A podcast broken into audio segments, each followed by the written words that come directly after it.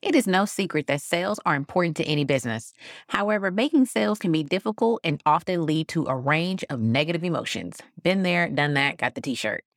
Not making sales can be very disappointing. This can often cause people to doubt their ability to sell and can impact their motivation to continue trying.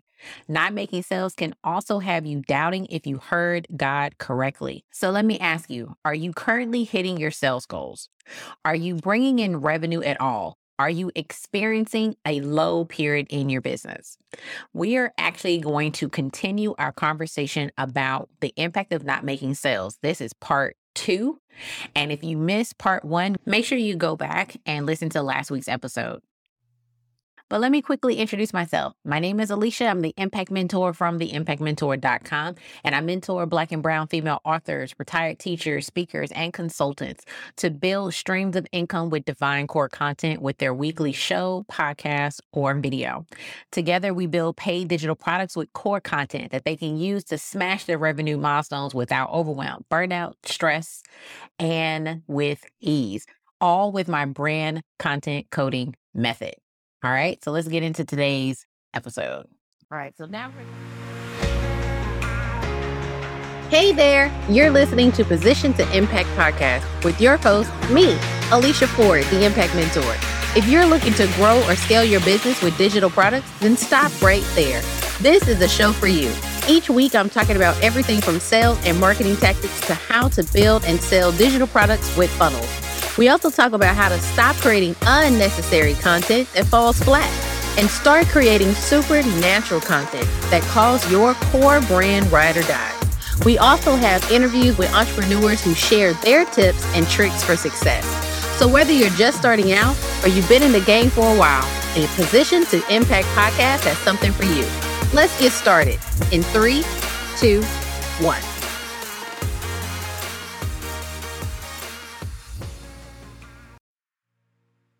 Episode. All right. So now we're going to talk about the importance of focusing on building relationships. So I think the best person that talks about this, honestly, is Gary Vee. If you don't know who Gary Vee is, look him up. But Gary Vee talks about that all the time. He talks about people, people, people. You cannot do business without people. You cannot sell anything without people. And he talked about you need to be willing to give first before you take.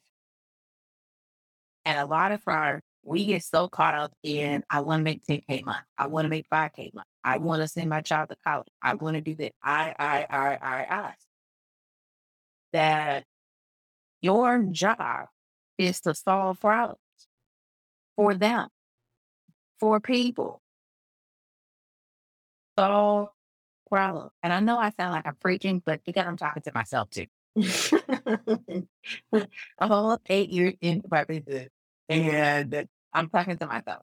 Okay. Because we have all been where we're not making sales. I have been studying the whole nine where we have gone month one, month two, month three, zero revenue. It happens to all of us.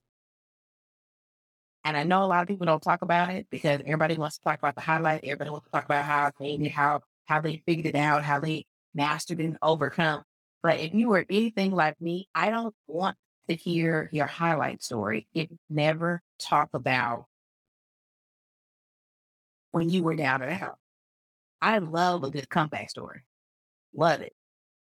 But I also, that's how I relate to my coaching. Anybody that I have hired as a coach or mentor, it is because I know their their story. I want to know that you understand that when I tell you I'm struggling, you don't see it as an excuse. You actually understand what I'm struggling with because you've been there, been in the trenches. So never trust someone who only shows you their win. If they never tell you their losses, don't trust them. So, are you willing to give before you take?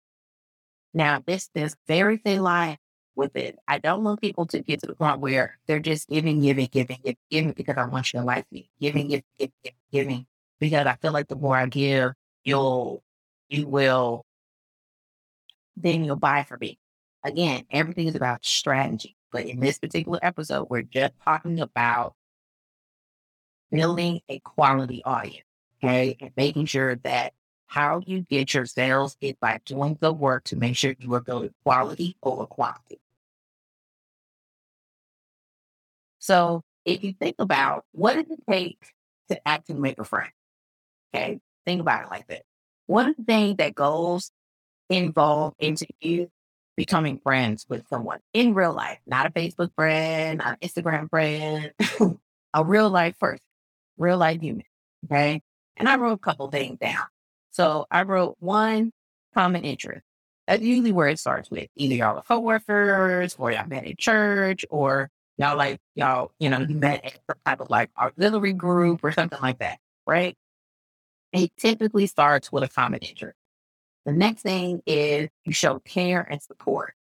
So y'all are always with each other or when y'all hang out, um, if they're dealing with something, show them that you're supporting them. If they're excited about something you're excited about, you cheer them on. Um, if they're hurting, you show that you care, that you're compassionate, all of these things, right? And so you also have fun together. So Y'all find ways to laugh together. Y'all find ways to get excited about something together. Y'all have fun together. You spend time with each other. Next is you encourage them when things that might not be going right. You know, we all have ups and downs, highs and lows in our life. So having somebody there to to say it's okay. Try again. I'm here. And lastly, help them solve problems with whatever you have. Right? So there was, I remember when I first started, I made so many freebies. I have worksheet out of out of the okay. And I'm sitting on mm-hmm. so many worksheets, workbooks, things like that. Because these were just things that people say that they have problems with, and I would just make worksheets to help them, right? Or checklists to help them. And but it was cool when someone said, Well, I'm struggling with it, and I had a resource to give them. It's not about you getting them one on one and working with them until the, the problem solved. It's just creating a resource. So when someone else says, Hey, I have this problem, you already have the solution.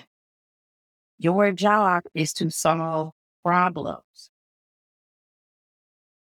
Okay.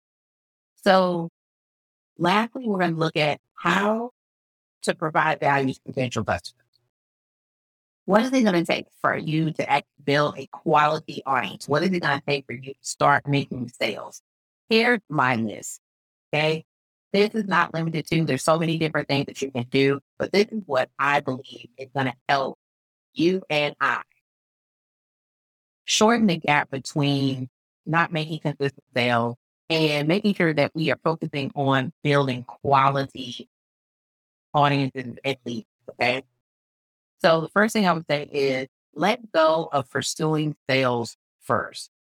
Well, I'm making the word fumbling. Okay. Because that's all you hear once you become an entrepreneur make money, make money, make profit, make profit, make profit, make money, make money, make money. Right. But there is a step that has to happen first. And that is you have to pursue people. Even if you own a restaurant, like I'm actually looking at uh, a cup here on my desk, and the cup is from Zoe's Kitchen. And I remember when I used to work in retail, and the store that I worked in across the street, they had just built a Zoe's Kitchen. And what that what that that particular restaurant did was that they came to every single store in that mall, and they had uh, like plastic cups, like the, the 32 ounce plastic cups. And they passed it out to everybody in our store. They came to our store and they said, Hey, we're opening up. We want to give y'all some, some coupons. We want to give y'all like, you know, free cookie this or, you know, buy one, get one this. Like they just gave all the employees because they understood that we were always here and we would be hungry for lunch. So they wanted us to consider them when we wanted lunch. So the number one, but the best thing that they did was they gave us a cup. And the cup was when you came in and you ordered something, you got a you get to fill that cup up for free with any drink you wanted. That was genius. So they weren't necessarily actively and directly pursuing the sale in terms of like, hey, y'all should come over here. It was they came to us because they knew we needed lunch. And they were like, here, we're going to give you something that will help you when you get hungry for lunch. And guess what? We then made the decision. What do you want for lunch? What are we going to eat for lunch today? Let's go to the kitchen. Did you get your cup? Yeah, I got my cup. Let's go. That that was genius to me. And that's what I think about when I say let go of pursuing sales first.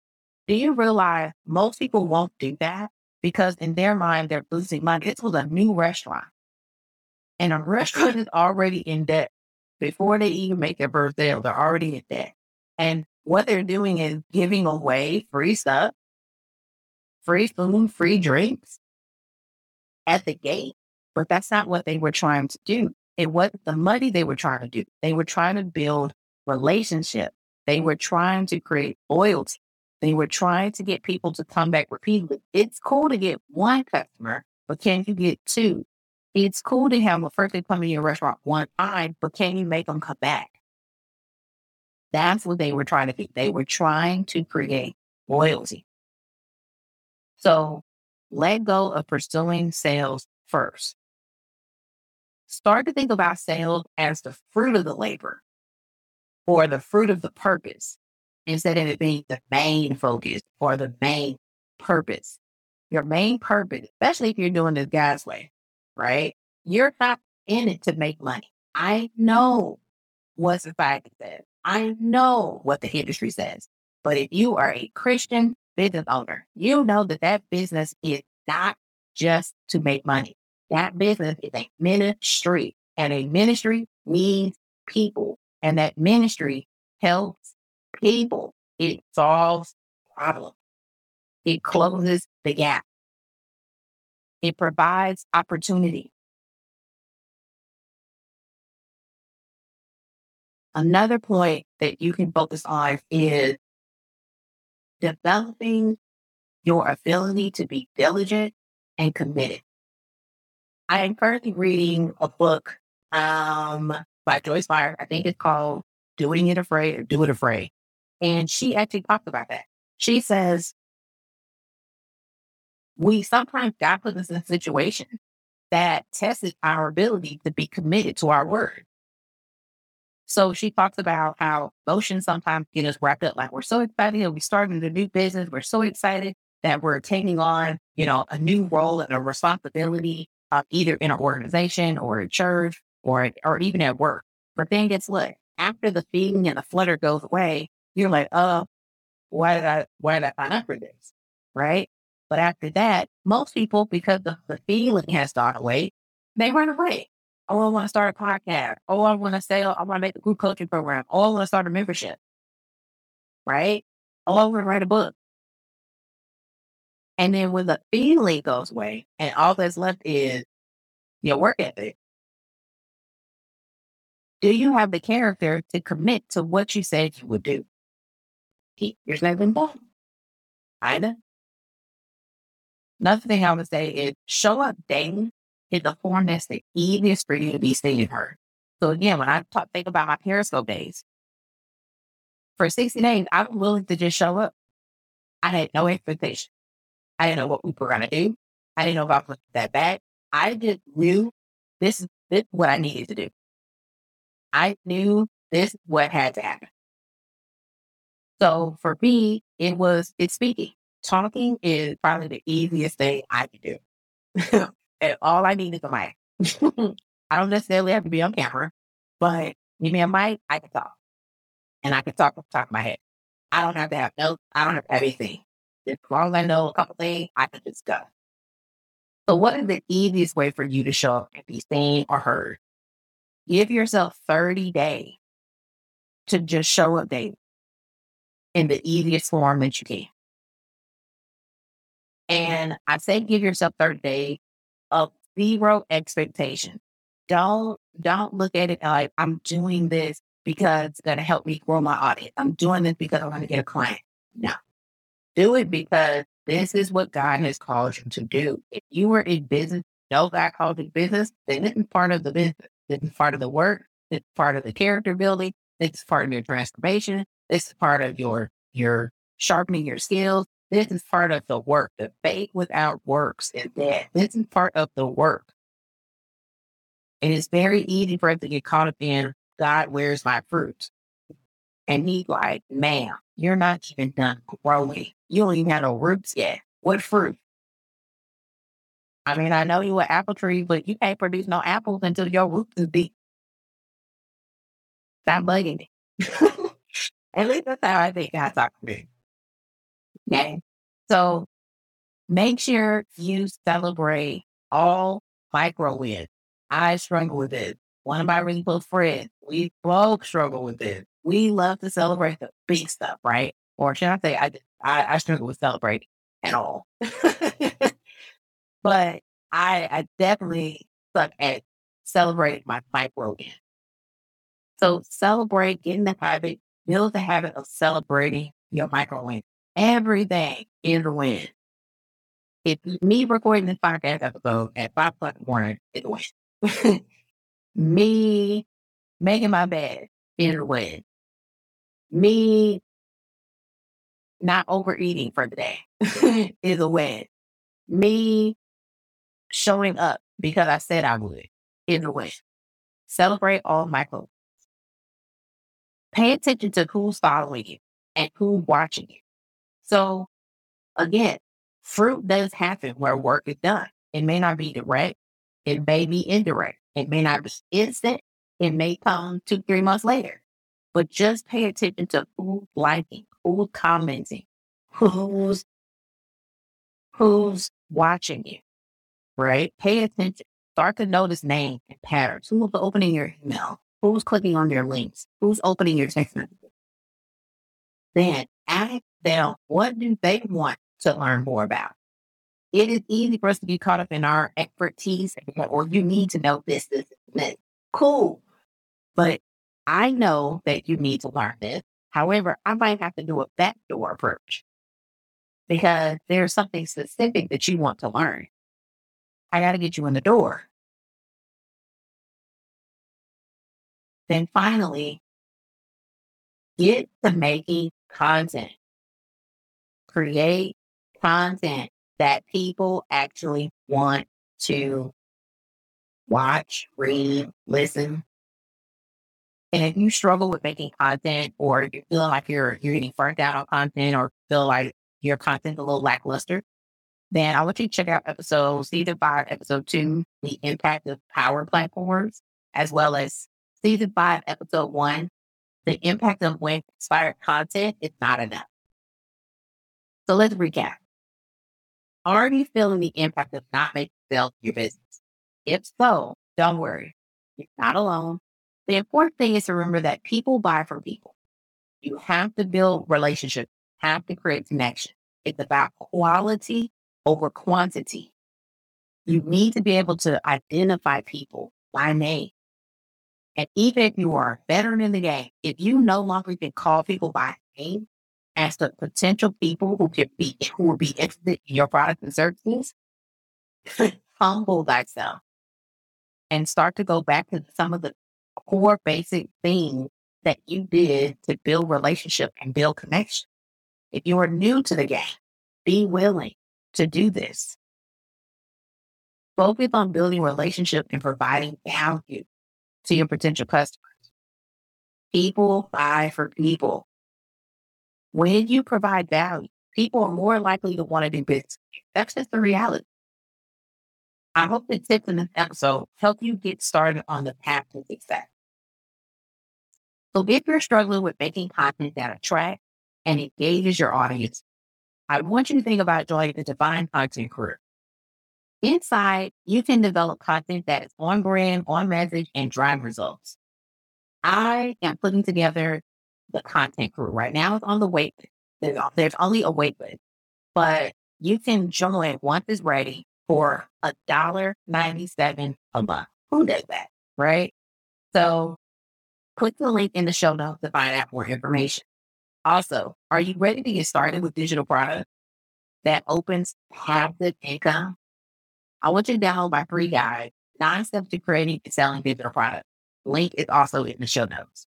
All right. Until next time. See ya.